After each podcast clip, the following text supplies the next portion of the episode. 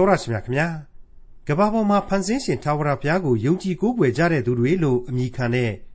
ဘာသာရေးအယူသီးဂိုင်းတချို့ရဲ့အဖွဲ့ဝင်တွေဟာကဘာကြီးကုံဆုံးပျက်စီးတော့မယ်ဆိုပြီးမိမိကိုမိမိအဆုံးစီရင်သွားကြရုံနဲ့မကတခြားသူတွေကိုပါတေချောင်းကြံစီကြတာအခါကားပါပဲတကယ်တော့ဒါဟာ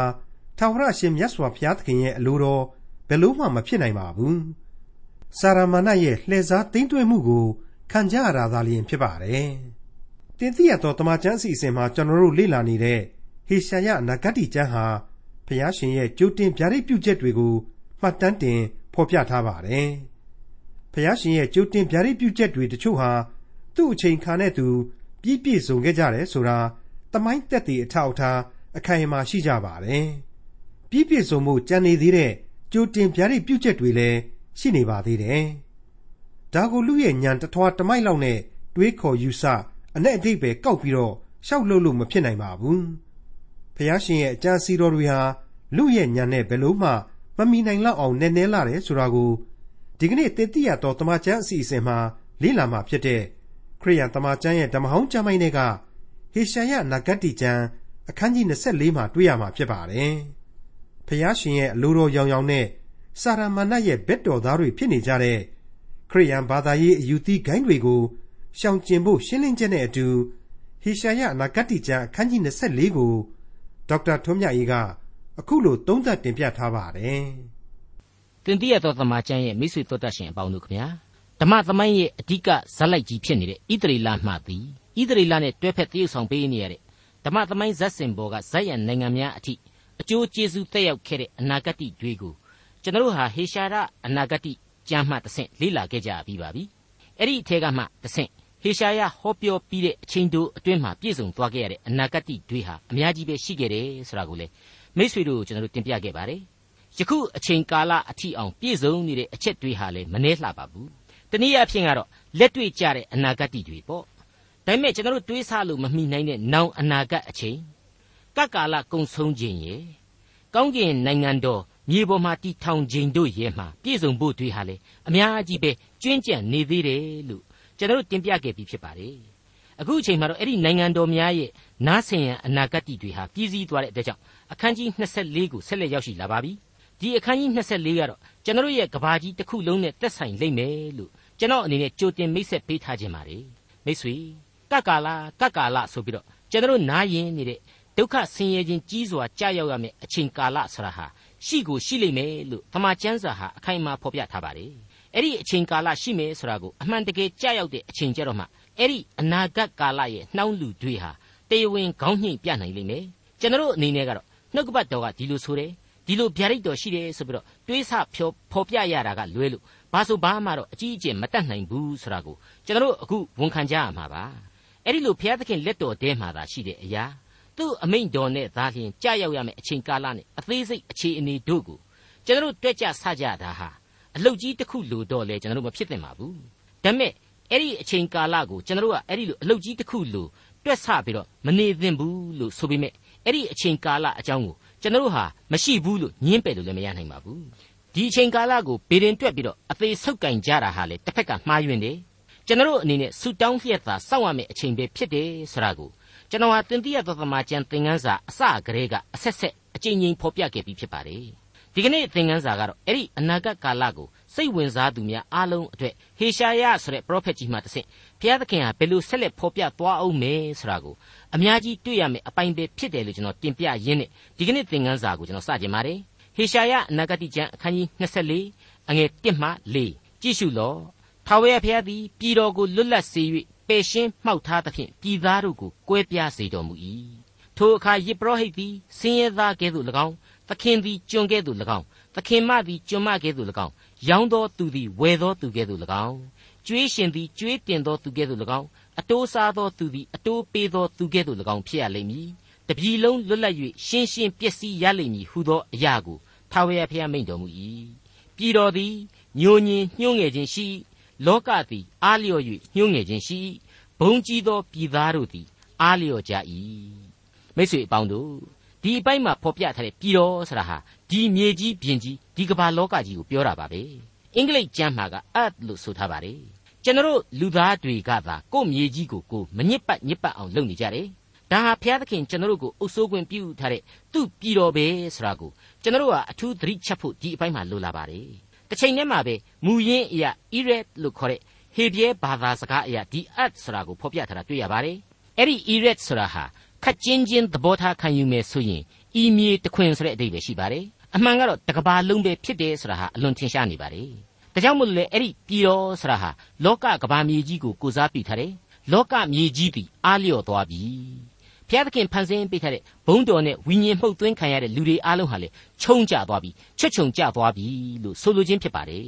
ဒါအပြင်ဒီကျမ်းထဲမှာငါဤလူမျိုးတော်ယေရုရှလင်၏သမီးပြိုယူဒာဣသရေလဆိုပြီးတော့ တစ်ချက်မှမညွှန်းထားတာကိုလည်းကျွန်တော်တို့အထူးသတိပြုမိဖို့လိုပါတယ်အခုချိန်မှာဟေရှာယအနာဂတိကျမ်းအခန်းကြီး24အငယ်9မှ12ကိုဆက်ကြပါစို့ပြည်သားတို့သည်တရားတော်ကိုလွန်ကျူးခြင်းအမိန့်တော်ကိုပြောင်းလဲခြင်းထာဝရသစ္စာတော်ကိုဖျက်ခြင်းအကြောင်းကြောင့်ပြည်တော်သည်ညဉ့်ညူးခြင်းရှိ၏ထို့ကြောင့်ကျိန်တော်မူသောအကျိန်သည်ပြည်တော်ကိုလွှမ်းမိုးပြီးပြည်သားတို့အပေါ်မှာအပြစ်ရောက်လေပြီထို့ကြောင့်ပြည်သားတို့သည်ပူလောင်ကြသဖြင့်ကြံကျွင်းသောသူတို့သည်နေကြ၏သစ်သောစပြည့်ရည်သည်ညိုညင်လေ၏ စပြည့်နွယ်ပင်သည်လည်းအားလျော့လေ၏စိတ်ရှင်လန်းသောသူအပေါင်းတို့သည်ညီးတွားကြ၏သာယာသောပတ်သာအသံငိမ့်ပြီဝမ်းမြောက်သောသူ၏အသံမရှိသာယာသောစောင်းတန်လည်းငိမ့်ပြီတည်ခြင်းဆိုလျက်စပြည့်ရည်ကိုမတော့ရကြသေရည်တရက်ကိုတောက်သောသူတို့သည်ပါဇက်ခါကြလိမ့်မည်လွတ်လပ်သောမြို့သည်ပြိုပြက်လေပြီအဘယ်သူမျှမဝင်စေခြင်းဟာအိမ်များကိုပိတ်ထားကြပြီစပြည့်ရည်ပြတ်သောကြောင့်လန်ခရီးတို့၌မြည်တမ်းခြင်းရှိဝမ်းမြောက်ခြင်းလည်းအကျွင်းမဲ့ကွယ်ပြီ တပြီလုံး၌သာယာသောအသံငိမ့်ပြီစိတ်ညံခြင်းသည်မြို့ထဲမှကြံ့၏မြို့တကားကိုလည်းရိုက်ခတ်၍ဖြိုဖျက်ကြပြီမိတ်ဆွေကဘာဦးအချိန်ကာလတုန်းကလောကကြီးတစ်ခုလုံးကိုရေလွှမ်းမိုးပြီးအပြစ်ပေးခဲ့တာကိုမိษွေတို့ကျွန်တော်တို့အားလုံးမှတ်မိနေကြစေပဲဖြစ်ပါတယ်ယခုတခါပြုတ်ပြီးပြီးတကယ်လို့ငါနောက်ထပ်ဒီနည်းအတိုင်းဓမ္မခတ်ဆိုပြီးတော့ဘုရားသခင်ဟာအဲ့ဒီလိုရေလွှမ်းမိုးပြီးတဲ့နောက်မှာကဘာကြီးကိုရေနဲ့ဆေးကြောခြင်းမပြုတ်တော့ဘူးဆိုတာကိုနောအေးကနေတဆင့်ကဘာကြီးကိုကြီးညာပေးခဲ့ပါတယ် ဒါပေမဲ့အဲ့ဒီလိုဘလောက်ပဲကြီးညာခဲ့ကြီးညာခဲ့ရှင်ပေတရုဩဝါဒစာဒုတိယစာဆောင်အခန်းကြီး3အငယ်9ကနေ9ရေ30မှာဖော်ပြထားတဲ့အချက်တွေကိုတော့ကျွန်တော်တို့ဟာချွင်းချံထားလို့မဖြစ်နိုင်ဘူးအဲ့ဒီလိုဘုရားသခင်ဟာရေလွှမ်းမမိုးတော့ဘူးလို့ဂရိပေးခဲ့ပြီးမြဲဘုရားသခင်ကနောက်ထပ်တရားစီရင်ခြင်းရှိမယ်ဆိုတာကိုတော့ပြက်ပြက်သားသားပဲရှင်ပေတရုဩဝါဒစာမှတစ်ဆင့်ကြီးညာပေးခဲ့တာကိုကျွန်တော်မိတ်ဆွေတို့ကိုသတိပေးကြပါမယ်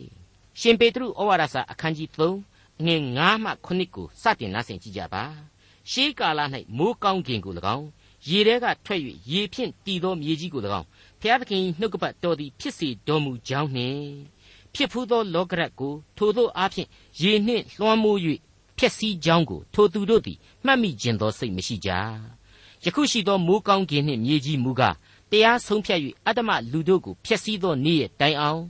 ထိုနှုတ်ကပတ်တော်အားဖြင့်သိုထားလျက်ရှိ၍မိရှို့ခြင်းအဖို့အလို့ငှာနေရတည်းတဲ့ အဲ့ဒါဟာရှင်ပေတရုဩဝါဒစာဆောင်အခန်းကြီး3ကနေသတိပေးထားတဲ့အချက်ဖြစ်ပါတယ်နောက်ထပ်ဆက်လက်ပြီးတော့အငယ်30မှာဖော်ပြထားတဲ့အချက်ရှိပါသေးတယ်သခိုးသည်ညအခါလာတဲ့ကဲ့သို့ထာဝရဘုရား၏နေ့ရက်သည်လာလိမ့်မည်ထိုနေ့၌မိုးကောင်းကင်သည်ကြီးစွာသောအသံနှင့်တကွပျောက်သွားလိမ့်မည်လောကရတ်တို့သည်ပူအားကြီး၍ပြက်ကြလိမ့်မည်မြေကြီးကိုမှဆ၍မြေကြီးပေါ်မှပြုလုပ်သမျှသောအရာတို့သည်ကျွန်းလောင်ကြလိမ့်မည်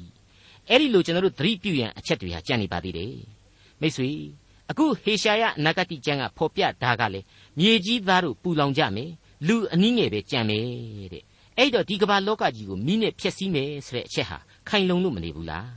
ဟေရှာယအနာဂတိကျမ်းအခန်းကြီး24အငယ်73မှ15ကိုဆက်ပြီးနားဆင်ကြည့်ကြပါထို့သောပြည်တော်အလေပြည်သားတို့တွင်ဖြစ်ရသောလေတန်လွင်ပင်ကိုလှုပ်၍အသီးကိုရတဲ့ကဲ့သို့၎င်းစပြစ်သီးကိုသိမ်းယူသောနောက်အကျွင်းအကြံကိုကောက်ရတဲ့ကဲ့သို့၎င်းဖြစ်လိမ့်မည် ထိုသူတို့သည်ကြွေးကြော်၍ရှင်လန်းစွာတည်ခြင်းဆိုကြလိမ့်မည်ထာဝရဘုရားကိုချီးမွမ်းသောအသံနှင့်ပင်လေတစ်ဖက်မှညီကြလိမ့်မည်တို့ဖြစ်၍အရှိမျက်နှာအရက်တို့၌ထာဝရဘုရားကို၎င်းပင်လေတစ်ဖက်တကြွတနိုင်ငံအရက်တို့၌ဣသရေလအမျိုး၏ဘုရားသခင်ဒီဟုသောထာဝရဘုရား၏နာမတော်ကို၎င်းချီးမွမ်းကြလော့မိတ်ဆွေတို့တတ်ရှင်အပေါင်းတို့ခမညာအကြီးအကျယ်ကြီးမီးလောင်မြိုက်မယ်လူတွေအများကြီးသေမယ်ပျော်ရွှင်မှုတွေစိတ်သုံးမယ် ရိုက်ခတ်ဖြိုဖျက်ခြင်းရှိကြလိမ့်မယ်ဆရာတို့ရဲ့ကြားမှာမှပြည်တော်ဤအလေဘဟုအရက်ဖြစ်တဲ့ဣသရေလနဲ့ကဘာမြေအနှံ့အပြားမှာကြံကျွင်းသောသူတို့ရှိလိမ့်မယ်တဲ့အဲ့ဒါကိုရှင်လန်းစွာတည်ခြင်းဆိုကြမယ်ဆိုတာပေါ်လာပါတယ်ပင်လေရဲ့တစ်ဖက်ကအသံအရှိအရက်ကအသံတကြွတနိုင်ငံအရက်ရက်တို့ကထာဝရဘုရားကိုချီးမွမ်းသောအသံနာမတော်ကိုထောမနာပြုသောအသံတွေပေါ်ထွန်းမယ်ဆိုတာတွေဟာရုပ်ချီးဖော်ပြလာပြန်ပါတယ်ကျွန်တော်အဖို့ဒီလောက်တောင်မှ ဝုံတိုင်းကျဲသွားတဲ့ကပ်ကာလအချိန်အခါမှာဒီလိုဝမ်းမြောက်ခြင်းဆိုတဲ့အသံဗလံတွေကိုဘယ်လိုလုပ်ပြီးနားလည်ကြရမှာတုံးဖြစ်နိုင်ပါမလားကျွန်တော်ရဲ့လောကအပိဓမ္မာကျွန်တော်ရဲ့သဘာဝအမြင်ကျွန်တော်ရဲ့အုံနှောက်နဲ့ဆင်ကျင်တိုင်းတာလို့ရသမျှအတွေ့အခေါ်နဲ့ဆိုရင်တော့မဖြစ်နိုင်ဘူးလို့ကျွန်တော်ညင်းမယ်ဆိုရင်ညင်းနိုင်ပါလိမ့်မယ်ဒါပေမဲ့အဲ့ဒီအချိန်ကာလကိုကျွန်တော်ဘယ်သူမှမရောက်ဘူးအဲ့ဒီအချိန်ကာလလူသားတို့ရဲ့ခန်းစားချက်တို့အကြောင်းကိုလေဘယ်သူမှကျွန်တော်မြည်စမ်းလို့မကြည့်နိုင်ပါဘူးဥပမာပေးရမယ်ဆိုရင်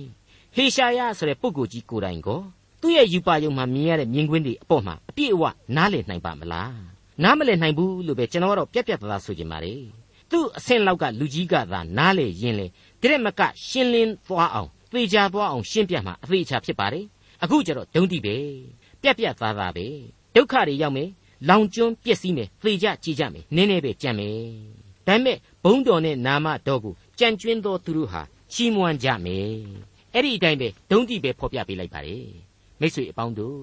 အဲ့ဒီအချိန်ကာလဟာလူသမိုင်းမှာတခါမှမကြုံဘူးတဲ့ကာလဖြစ်ပါတယ်နော်အထူးဆန်းဆုံးသောကာလနဲ့နည်းနည်းစွာဘုရားသခင်စီရင်တော်မူသောကာလဖြစ်ပါတယ်ဘုရားသခင်ကဘသူကိုမှဒီအချိန်အကြောင်းနဲ့ပတ်သက်ပြီးတော့အတိအကျမဖော်ပြပေးပါဘူးအတိတ်နမိတ်တွေစင်ကျင်နှလုံးသွင်းဖို့ရန်ဗျာဒိတ်ကြွေကိုသာချထားပေးတော်မူပါတယ်နှမျိုးနှစ်ဖုံကျွန်တော်စဉ်းစားမိတာကတော့တိအကယ်၍သာအချိန်ကာလအတိအကျ ပုံစံအတိအကျနဲ့ကျွန်တော်တို့ကိုအဖြေထုတ်နိုင်အောင်ဘုရားသခင်ကဖော်ပြထားမယ်ဆိုရင်ဒီကနေ့လူအဖွဲ့အစည်းဟာပုံစံတစ်မျိုးကြီးဖြစ်နေပေလိမ့်မယ်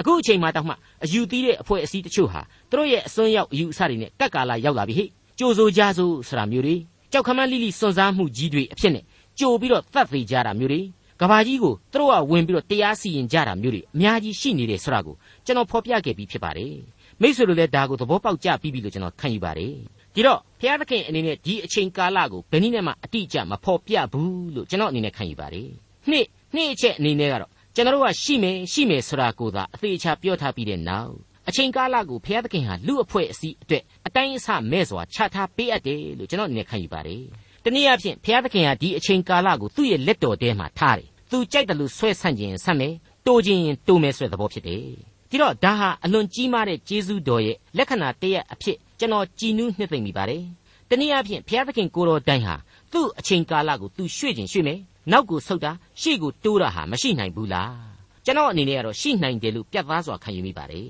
။အခုဟေရှာယရဲ့ခင်မှာပဲဟေဇကိဆိုတဲ့ဘရင်ဟာသေနာဆွဲတယ်ဘုရားသခင်ဟာသူ့ကိုခေါ်တော့မလို့ပဲတနည်းအားဖြင့်သေစီညွှန်းထားတာပေါ့ဒါပေမဲ့အဲ့ဒီဟေဇကိဟာဘုရားသခင်ကိုအသနာခံတဲ့အချိန်မှာတော့ဘုရားသခင်ဟာနားညောင်းတော်မူတယ်ဆိုတာကိုကျွန်တော်တို့တွေ့ရတယ်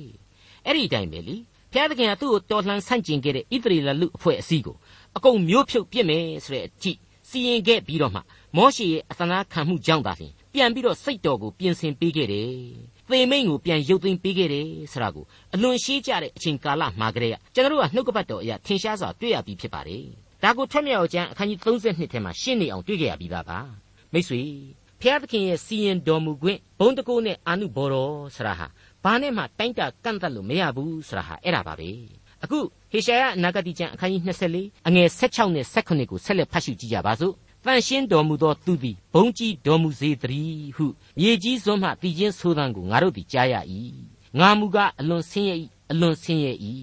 အမင်္ဂလာရှိ၏လူရစ်သောသူတို့သည်လူရက်လျက်နေကြ၏လူရက်သောသူတို့သည်ကြမ်းတမ်းစွာလူရက်ကြ၏အိုးပြည်သားသင်သည်ကြောက်လန့်ပွေသောအရာမြေတွင် ကြော့ကွင်းတဲသို့ရောက်လေပြီမိတ်ဆွေ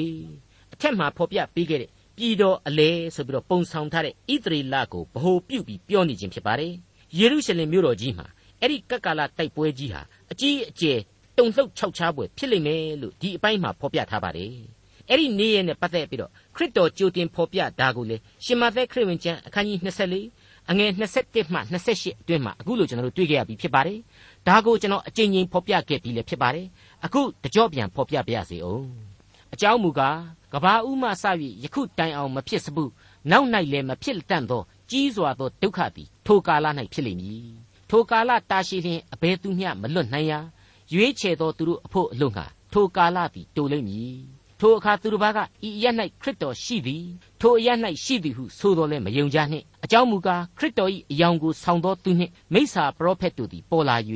ရွေးချယ်သောသူတို့ကိုပင်လှည့်ပြားနိုင်လျင်လှည့်ပြားလောက်အောင်ကြီးစွာသောနမိတ်လက္ခဏာအံ့ဘွယ်သောအမှုတို့ကိုပြကြလိမ့်မည်ထိုအကြောင်းအရာတို့ကိုငါပြောနှင့်ပြီထို့ကြောင့်သူတို့ကခရစ်တော်သည်တော၌ရှိသည်ဟုဆိုတော်လဲမထွက်မသွားကြနှင့် တိုက်ခန်း၌ရှိသည်ဟုဆိုတော်လဲမယုံကြနှင့်လျှက်စစ်သည်အရှိမှပြည့်၍အနောက်တိုင်အောင်ထွန်းလင်းတဲ့ကဲ့သို့လူသားသည်ကြွလာတော်မူတတ်အသေးကောင်ရှိရာ၌ရွှေလင်းတတို့သည်စုဝေးကြလက်တံတဲ့မိတ်ဆွေအဲ့ဒီလောက်ထိအင်မတန်ဆိုးရွားလွန်းလှတဲ့အနိဋ္ဌာယုံတွေနဲ့အတူခရစ်တော်ပြန်လဲကြွဆင်းခြင်းကိုတော့ရှင်မာသဲခရစ်ဝင်ဟာအခုလိုဖော်ပြရှင်းလင်းထားပါတယ်အဲ့ဒီရှင်မာသဲခရစ်ဝင်ကျမ်းအခန်းကြီး24မှာပဲအငယ်29နဲ့31မှာအခုလိုဖော်ပြထားခြင်းဖြစ်ပါတယ် ထိုကာလ၌ဒုက္ခဆင်းရဲခြင်းနောက်ရုတ်ခနဲ့နေသည်မိုက်လိမ့်မည်လာသည်အယောင်ကိုမပေးကျယ်တို့သည်ကောင်းကင်မှကြကြလိမ့်မည်ကောင်းကင်တကိုးတို့သည်တုန်လှုပ်ကြလိမ့်မည်ထိုအခါလူသား၏နမိတ်လက္ခဏာသည်ကောင်းကင်၌ထင်ရှားလိမ့်မည်မြေကြီးပေါ်မှလူအပေါင်းတို့သည်ငိုကြွေးမြည်တမ်းကြ၍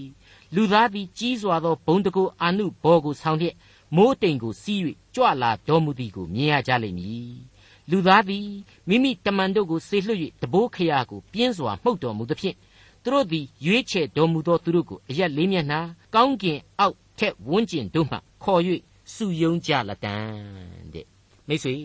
ကျွန်တော်အထက်ကဖွင့်ဆိုပေးခဲ့တဲ့အတိုင်းပဲသမိုင်းမှာတော့အပြင်းထန်ဆုံးအကြီးအကျယ်ဆုံးနဲ့အဆိုးရွားဆုံးသောစစ်ပွဲကြီးပဲ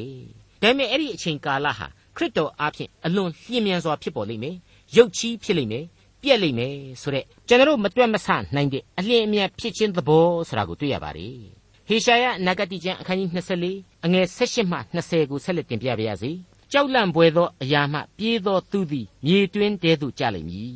မြေတွင်းမှလွတ်သောသူသည်ကြော့ကွင်း၌ကြော့မိလိမ့်မည်ကောင်းကင်ပြွန်ဝပွင့်လျက်ရှိ၏မြေကြီးအမြင့်လဲလှုပ်ရှားလေ၏ပြည်တော်သည်တပြည်လုံးပြုတ်လေပြီပြည်တော်သည်အကုန်အစင်ပြိုပြက်လေပြီပြည်တော်သည်အလွန်တုန်လှုပ်လျက်ရှိလေ၏ပြည်တော်သည်ရစ်မှုသောသူကဲ့သို့တလူးလေလေရှိ၏ ပခက်ကဲ့သို့လှုပ်ရှား၏မိမိအပြစ်သည်မိမိအပေါ်မှလေးသဖြင့်ပြည်တော်သည်လဲလိမ့်မည်နောက်တဖန်မထရမိတ်ဆွေအဲ့ဒီလိုဖော်ပြထားတဲ့ဒုက္ခဆင်းရဲခြင်းကြီးဟာဘလောက်ကြီးလဲတစ်ကြောက်လန့်ရခြင်းနှစ်မြေတွင်းဒီဟုသောသေခြင်းနဲ့သုံးကြော့ကွင်းဒီဟုသောလိန်လေလှည့်ပြားခြင်းဆိုတဲ့အချက်ဒီအချက်ကြီး၃ချက်မှာအခြေခံနေတယ်ဆိုတာကိုတွေ့ရပါတယ်မိတ်ဆွေအပေါင်းတို့ကျွန်တော်ရဲ့အခုပြစ္ဆုတ်ပံကာလမျက်မှောက်ခေတ်ကာလမှာကို ဒီအချက်ကြီးတွေဟာအထင်ရှားဆုံးတွေ့နေရတဲ့အချက်ကြီးတွေပဲလို့ကျွန်တော်ကအဆိုတင်သွင်းမယ်ဆိုရင်မိတ်ဆွေတို့ညင်းနိုင်မှာလားကျွန်တော်ရဲ့ပတ်ဝန်းကျင်ကသတင်းပလင်းတွေကိုပြန်လှန်ပြီးတော့ကြည့်ကြပါကျွန်တော်ရဲ့နိုင်ငံရေးစီးပွားရေးလူမှုရေးအခြေအနေတွေကိုကမ္ဘာစာနယ်ဇင်းတွေမှာဖတ်ပြီးတော့ကြည့်ကြပါဒီအတိုင်းပဲဖြစ်နေတယ်လို့ကျွန်တော်ခံယူပါတယ်တိကြောက်လန့်ရခြင်းနှစ်မြေတွင်းဒီဟုသောသေခြင်းသုံးကြော့ကွင်းဒီဟုသောလိန်လေလှည့်ပြားခြင်းတဲ့မိတ်ဆွေအပေါင်းတို့ ရာသီဥတုအပူချိန်တွေဟာကဘာတလွှားမှာမြင့်တက်လို့လာနေပါတယ်ပင်လေရေပြင်ဟာလေနှစ်စဉ်မြင့်တက်နေပါတယ်ဆိုတာကိုကမ္ဘာသတင်းစာတွေမှာဖော်ပြထားတယ်ဘလောက်ကြောက်စရာကောင်းလဲအဲ့ဒီတိုင်းပဲနိုင်ငံကြီးအသီးသီးတို့ရဲ့စစ်ရေးချင်းချောက်မှုသတင်းတွေဟာလေမိษွေတို့ကျွန်တော်တို့နားထဲမှာလျှံလျှံဝေးနေတယ်မဟုတ်ဘူးလားကုလို့မရနိုင်တဲ့ယောဂဆိုးကြီးတွေဟာရောကျွန်တော်တို့လူလောကတစ်ခွန်းလုံးကိုချင်းချောက်နေပါတယ်စီးပွားရေးကသောင်းကနင်းဖြစ်မှုကြီးတွေ လူဒန်းစားကွာဟမှုကြီးတွေပြိပက်ကကြီးတွေဟာအကြီးအကျယ်ထူပြောနေပါလေအဆိုးဆုံးကတော့အဲ့ဒီပြိပက်ကတွေဖြစ်ရင်သုံးဆွဲရမယ်လက်နဲ့တွေပဲကဘာပတ်လမ်းကြောင်းတွေကနေပြီးတော့နျူကလ িয়ার လက်နက်များနဲ့ကဘာတစ်ဝှမ်းလုံးကိုဖြိုဖျက်တိုက်ခိုက်နိုင်တဲ့အဆင့်မှာရှိနေပါတယ်လေဆာရောင်ခြည်တွေနဲ့တိုက်ခိုက်နိုင်စွန်းလေတချို့နိုင်ငံကြီးတွေမှာပိုင်ဆိုင်နေပါတယ်အဲ့တော့ကျွန်တော်တို့နေရထိုင်ရတာဟာကြောက်စရာမကောင်းဘူးလားမြေတွင်းတိဟုသောသေခြင်းကြားထဲမှာရှိနေရတဲ့အတူတူပဲမဟုတ်ဘူးလားလိမ့်လေလှဲ့ပြားခြင်းတွေဆိုတာကကော ကမ္ဘာနိုင်ငံရေးသမိုင်းမှာဒီအတိုင်းပဲပတ်ချလဲဝိုင်းနေတယ်လို့ကျွန်တော်ဆိုချင်ပါတယ်မိတ်ဆွေအခုနှုတ်ကပတ်တော်အရာဆိုရင်ဘယ်လူသားကမှစစ်မှန်တဲ့ငြိမ်းချမ်းရေးကိုဆောင်ကျဉ်နိုင်မှာမဟုတ်ပါဘူးစစ်မှန်တဲ့ကတ်ကာလစီကိုသာအဲ့ဒီလူသားတွေဟာတွန့်ပို့တယ်လို့တွန့်ပို့နေရစမြဲပဲဆိုတဲ့အခြေအနေကိုဆက်ရောက်နေတယ်ဆိုတာကိုကျွန်တော်နှုတ်ကပတ်တော်အရာအဖြေထုတ်နိုင်ပါတယ်အစိုးမြင်လွန်းရာများရောက်နေပြီလားလို့ကျွန်တော်စိတ်မကောင်းပါဘူးဒါပေမဲ့ကျွန်တော်ပြောခဲ့တဲ့အတိုင်းအချိန်ဟာကိုမပိုင်ပေမဲ့ မပိုင်တဲ့ကြားတဲ့ကပဲဘုရားသခင်ပေးထားတဲ့အချိန်ဟာရှိနေသေးပဲလို့ကျွန်တော်ဆိုချင်ပါတယ်အလေးအနက်လေးယုံကြည်မိပါတယ်ဒီတော့ဘုရားသခင်ကိုယုံကြည်ဘုရားသခင်ကိုဆုတောင်းနှုတ်ကပတ်တော်တမန်တရားနဲ့အညီဇာတိပဂိမာမာနတွေအတွေးအခေါ်တွေကိုရှောင်ရှားပြီးတော့အလိုတော်အတိုင်းလိုက်နာကြမယ်အလိုတော်အတိုင်းခံယူကြမယ်စိတ်ဝိညာဉ်ကိုအသစ်ပြုပြင်ပြောင်းလဲနိုင်ကြမယ်ဆိုရင်အဲ့ဒီကပ်ကာလာဆရာဟာကို့ကြောင့်အများကြီးနောက်ကိုဆုတ်သွားနိုင်တယ်လို့ကျွန်တော်လေးစားစွာခံယူမိပါတယ် မိတ်ဆွေအထူးသတိပြုရမယ့်အချက်တွေးဟာဒီကြမ်းနဲ့မှရှင်းနေအောင်ပါဝင်နေပါတယ်ရစ်မှုသောသူကဲ့သို့တလူးတလဲလေဖြစ်ရတယ်ပခက်ကဲ့သို့လှုပ်ရှားနေတယ်တနည်းအားဖြင့်ရှေ့ရိုးနောက်ညင်ဖြစ်နေရတယ်အဲ့ဒီနီးနဲ့နောက်ဆုံးမှပြန်မထနိုင်တော့လောက်အောင်လဲကျသွားရတယ်ဘာကြောင့်လဲမိမိအပြစ်ပြီးမိမိအပေါ်မှာလေးသောကြောင့်တဲ့ရှင်းရှင်းလေးဖော်ပြထားတယ်မိတ်ဆွေတော်တတ်ရှင်အပေါင်းတို့ကျွန်တော်လူသားဟာအပြစ်သားပါဆိုတာကို ကျွန်တော်ဟာတင်တိရသောသမာကျမ်းအစမှာကလေးကဖော်ပြပေးခဲ့ပါတယ်ကျွန်တော်တင်တိရသောသမာကျမ်းရဲ့သင်ခန်းစာတစ်လျှောက်လုံးမှာလေအမြဲတစေသတိပေးခဲ့ပါတယ်ဒီအပြစ်ရဲ့အထင်ရှားဆုံးအပြစ်ဒဏ်ဖြစ်တဲ့သေခြင်းဆိုတာကိုလေသမိုင်းကာလတစ်လျှောက်လုံးမှာလူသားတွေဟာမလွတ်စတမ်းကြုံခဲ့ဆုံးခဲ့ကြရတာကြီးပဲဖြစ်တယ်ဆိုတာကိုလေမိษွေတို့ကျွန်တော်နားလေခဲ့ကြပြီးပြီ အခုနောက်ဆုံးသောကပ်ကာလဆိုတာဟာလေအပြစ်တရားကြောင့်သာလျှင်ရင်ဆိုင်ရသောအချိန်ကာလတစ်ခုအဖြစ်မလွဲမသွေတက်ရောက်ခြင်းဆိုတာကိုဟေရှာယအနာဂတ်မှတဆင့်ဒီနေရာမှာသတိပေးလာပါတယ်တနည်းအားဖြင့်ဆိုရင်တော့အပြစ်လောကတစ်ခုလုံးကိုအဆုံးစီရင်ခြင်းသဘောပဲဖြစ်ပါတယ်အခုဟေရှာယအနာဂတ်ကျမ်းအခန်းကြီး24အငယ်21နဲ့22ကိုဆက်ပြီးတော့ကြည့်ကြပါစို့ထိုကာလ၌ထာဝရဘုရားသည်မြင့်သောအရ၌မြင့်သောအလုံးအရင်ကို၎င်း မြေပေါ်မှမြေကြီးရှင်ဘရင်တို့ကို၎င်းကြည့်ရှုစစ်ဆေးတော်မူလိမ့်မည်သူတို့သည်တွင်းထဲမှတစုတည်းစုဝေး၍ချီနှောင်ခြင်းထောင်ထဲမှချုပ်ထားခြင်းကိုခံလျက်နေရကြလိမ့်မည်များစွာသောနေ့ရက်ကာလလွန်ပြီးမှစစ်ကြောခြင်းကိုခံရကြလိမ့်မည်မိတ်ဆွေအလွန်အလွန်အရေးကြီးတဲ့အချက်တစ်ခုပဲလို့ကျွန်တော်ခံယူပါတယ်အဲ့ဒီကပ်ကာလနဲ့ပတ်သက်လို့ရှင်ယောဟန်ဟာဗျာဒိတ်ယူပါယုံများကိုခုလိုဖော်ပြထားတာရှိပါတယ်ဗျာဒိတ်ကျမ်းအခန်းကြီး19 အငယ်7မှ16ကိုပြန်လှန်ကြည့်ကြပါစို့ထိုအခါကောင်းကင်ဘုံဖွင့်လှစ်လျက်ရှိသည်ကိုငါမြင်၏မြင်းပြူရှိ၏မြင်းစည်းသောသူသည်တစ္ဆာဟုသောအမညာသမာဟုသောအမည်ရှိသည်ထိုသူသည်တရားသဖြင့်စီရင်တတ်၏တရားသဖြင့်စစ်တိုက်တတ်၏မျက်စိတော်သည်မီလီယံကဲ့သို့ဖြစ်၏ခေါင်းတော်ဘော၌သရဖူးများကိုဆောင်း၏ကိုယ်တိုင်မှတပါအဘယ်သူမျှမသိသောနာမတော်သည်ရေးထားလျက်ရှိ၏အသွေး၌နှစ်ပြီးသောအဝတ်ကိုဝတ်၏ ဖျားသခင်၏နှုတ်ကပတ်တော်ဟူသောအမည်ရှိ၏ကောင်းကင်ဘိုးကြီးတို့သည်မြင်းပြူကိုစီးလျက်စင်ကြယ်သောပိတ်ချောပြူကိုဝတ်လျက်နောက်တော်သို့လိုက်ကြ၏လူမျိုးတို့ကိုဒဏ်ခတ်เสียဖို့ထက်သောတန်လျက်သည်ကတွင်တော်တဲ့ကထွက်၏သူတို့ကိုတန်လှန်တော်နှင့်အုပ်ဆိုးတော်မူမည်အနန္တတကုနှင့်ပြည့်စုံတော်မူသောဘုရားသခင်၏ဒေါသအမျက်တော်၏စပြစ်သီးနေရာတစားကိုဖိနှင်းတော်မူမည်ဘယင်တို့၏ဘယင်သခင်တို့၏သခင်ဟုဘွဲ့နာမတော်သည် အဝတ်တော်၌၎င်းပေါင်တော်၌၎င်းရေးထားလျက်ရှိ၏ဟုတ်ပါတယ်မိတ်ဆွေ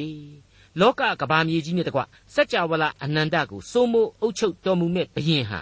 အဆောင်အယောင်အခမ်းအနားတွေကိုအင်မတန်အထင်ကြီးတတ်တဲ့လူလောကအတွေ့လူတွေအိမ်မက်ထဲမှာတောင်မှမြင်ဖို့ခဲရင်လှတဲ့ဘုံတကောအာနုဘော်တော်ကိုဖော်ပြပြီးတော့ဆင်းသက်ကြွလာတော်မူမှာအမှန်ပဲဖြစ်ပါတယ်အဲ့ဒီလိုကယ်တင်ရှင်ကြွလာတော်မူခြင်းနဲ့အတူကကာလရဲ့ကြောက်မဲ့ဖွယ်စီရင်ခြင်းတွေကြားထဲမှာ သေဆုံးသွားရတဲ့ပျက်စီးသွားရတဲ့ဝိညာဉ်ပေါင်းများစွာတို့ဟာခရစ်တော်အဖင်ပြန်လဲရှင်သန်ဖို့နိုးထကြရလိမ့်မယ်ခရစ်တော်နဲ့အတူကောင်းကင်နိုင်ငံတော်မှာနှစ်တစ်ထောင်နောက်ထပ်အသက်ရှင်ကြရမယ်ဆိုတာကိုလေဗျာဒိတ်ကျမ်းအခန်းကြီး20အငယ်၄မှာအခုလိုဖော်ပြထားတာကိုကျွန်တော်တို့တွေ့နိုင်ပါသေးတယ်ပလင်များကိုလည်းငာမြင်၏ပလင်ပေါ်မှာထိုင်သောသူတို့သည်တရားစီရင်ရသောအခွင့်ကိုရကြ၏သားရဲနှင့်သူ၏ရုပ်တုကိုမကိုးကွယ် သူ၏တစိမ့်လက်မှတ်ကိုနဖူး၌မခံလက်၌မခံဘဲနေ၍ယေရှု၏သက်သေခံတော်မူချက်နှင့်ဘုရားသခင်၏နှုတ်ကပတ်တော်ကြောင့်လေပင်ဖြတ်ခြင်းကိုခံရသောသူတို့၏ဝိညာဉ်များကိုငာမြင်၏သူတို့သည်အသက်ရှင်၍အနှစ်တစ်ထောင်ပတ်လုံးခရစ်တော်နှင့်အတူစိုးစံရကြ၏မိษွေတော်တတ်ရှင်အပေါင်းတို့သိပ်ပန်နီးမကြဘူးလို့များပြောကြအောင်မှလားလို့ကျွန်တော်မေးချင်ပါတယ်အဲ့ဒီလိုသိပ်ပန်နီးမကြဘဲနဲ့ပဲကျွန်တော်ရဲ့ကဘာမြေကြီးကို ကျွန်တော်အတွက်ကိုတော်တိုင်တည်စေခဲ့တာတွေသိပ်ပန်နီးကြသူတွေဘယ်လို့မှမဖန်တီးပေးနိုင်တဲ့ဖိုစိတ်မစိတ်တို့နဲ့သမိုင်းနှစ်ပေါင်းမြောက်များစွာကိုတိဆောက်ပေးခဲ့တာတွေသိပ်ပန်နီးကြသူတွေရှာဖွေတွေ့ရှိပြီးတော့မာမာနတက်နိုင်စေတဲ့အက်တမ်ကလေးတွေ nucleus ကလေးတွေ chromosomes ကလေးတွေကိုဘာသိပ်ပန်မှမရှိခင်ကတည်းကဖျားသခင်ပေးသနာတော်မူခဲ့တာတွေဒါတွေကိုတစ်လှည့်ပြန်ပြီးတော့စဉ်းစားကြဖို့လိုလိမ့်မယ်လို့ကျွန်တော်ဒီနေရာမှာတင်ပြခြင်းပါတယ်အရေးအကြီးဆုံးကတော့သူချစ်တဲ့လူသားကို သူကယ်တင်ဖို့အတွက်လုံးဝသိပ်ပန်နီးမကြတဲ့လူစားတိကိုသူခံယူတယ်ပြီးတဲ့နောက်ကားရိုင်တော်ပေါ်မှာအသေးခံတော်မူပြီးတဲ့နောက်သိပ်ပန်နီးအရှင်းမကြတဲ့သေခြင်းမြစ်စုမှန်ကိုအောင်မြင်ပေးခဲ့တဲ့အကြောင်းတွေကိုလည်းမိษွေတို့မမေ့ကြပါနဲ့လို့ကျွန်တော်လေးစားစွာတိုက်တွန်းချင်ပါတယ်ဟေရှာယအနာဂတိကျမ်းအခန်းကြီး24အငယ်23ဏီကုန်းကိုနားဆင်ကြည့်ကြပါစို့လာသည်လဲမျက်နှာပြက်လိမ့်မည်နေသည်လဲအရှက်ကွဲလိမ့်မည်အကြောင်းမူကားကောင်းကင်ဘုရားအရှင်ထာဝရဘုရားသည် ဇီးအောင်တောင်ပေါ်မှယေရုရှလင်မြို့၌မင်းပြု၍အသက်ကြီးသောသူတို့ရှေ့တွင်ဘုံကြီးတော်မူလက်တံနေရလရဆရာဟာနေ့နဲ့ညကိုဖြစ်စေပါတယ်နှစ်လရာသီတို့ကိုလည်းဖြစ်စေတယ်ဆိုတာကိုမိษွေတို့အလုံးသိထားပြီးသားပါအဲ့ဒါဟာသူ့ရဲ့လောကရဥပရိသအဖြစ်သူပေးခဲ့တဲ့အမိန့်တော်ဖြစ်ပါတယ်ဘသူကမှဒီဥပရိသကိုဆန့်ကျင်လို့မရပါဘူးပယ်ဖြတ်လို့လည်းမရနိုင်ပါဘူးဆန့်ကျင်လို့ရတာပယ်ဖြတ်လို့ရတာဟာတူးတည်းပဲရှိပါတယ်အဲ့ဒါကတော့ဒီဥပရိသတော်ကိုချမှတ်သူသူကိုယ်တိုင်ပါပဲ ဟုတ်ပါတယ်သိပ္ပံဤအရှင်းမကြတဲ့ကတ်ကာလတရားစီရင်ခြင်းကိုသူလုံယုံမကကောင်းကင်နိုင်ငံတော်ကိုပါမြေပေါ်မှာတည်ထောင်မယ်အချိန်ကာလနဲ့အခြေအနေတို့ဟာလူသားတို့နားလေတယ်လို့မဟုတ်တော့ဘူးဖန်ဆင်းဒီမှစပြီးတော့အဲ့ဒီအချိန်အထိမရေမတွက်နိုင်တဲ့နှစ်ပေါင်းများနဲ့ဘာမှမဆိုင်တော့ဘူးဒါကြောင့်မို့လို့လဟာမျက်နှာပြက်ရလိမ့်မယ်နေဟာအရှက်ကွဲလိမ့်မယ်တဲ့အရေးမကြီးပါဘူးမိတ်ဆွေလဆိုတာဟာလူတဲ့ပို့ပြီးမမြတ်ပါဘူးနေဆိုတာဟာလည်းလူတဲ့ပို့ပြီးတော့သူမချစ်ပါဘူး လူသားတို့အတွက်သူစီရင်ပါတယ်စัจ java လာအနန္တအတွက်သူပေးသောအရာတွေလည်းဖြစ်ပါတယ်လူသားချင်းအဓိကဖြစ်ပါတယ်လူကိုယ်သားချင်းသူအချစ်ဆုံးဖြစ်ပါတယ်အဲ့ဒီလူသားတို့အထက်ကအသက်ကြီးသောသူသို့မဟုတ်ရှေးတန့်ရှင်းသူများရှေ့မှာသူဟာမင်းပြုမယ်ဘုံကြီးလိမ့်မယ်ဘု து အတွက်လဲဆိုတော့ကျွန်တော်ယုံကြည်သူတွေအားလုံးအတွက်ပဲဖြစ်ပါတယ်ဒေါက်တာထွန်းမြတ်ရေးစီစဉ်တက်ဆက်တဲ့တင်ပြရတော်တမချန်းအစီအစဉ်ဖြစ်ပါတယ်နောက်တစ်ချိန်အစီအစဉ်မှာခရိယန်တမချန်းရဲ့ ဓမ္မဟောင်းကျမ်းပိုင်းတွေကဟေရှာယနဂတ်တီကျမ်းအခန်းကြီး25အခန်းကြီး26နဲ့အခန်းကြီး29တို့ကိုလေ့လာမှဖြစ်တဲ့အတွက်စောင့်မျှော်နားဆင်နိုင်ပါတယ်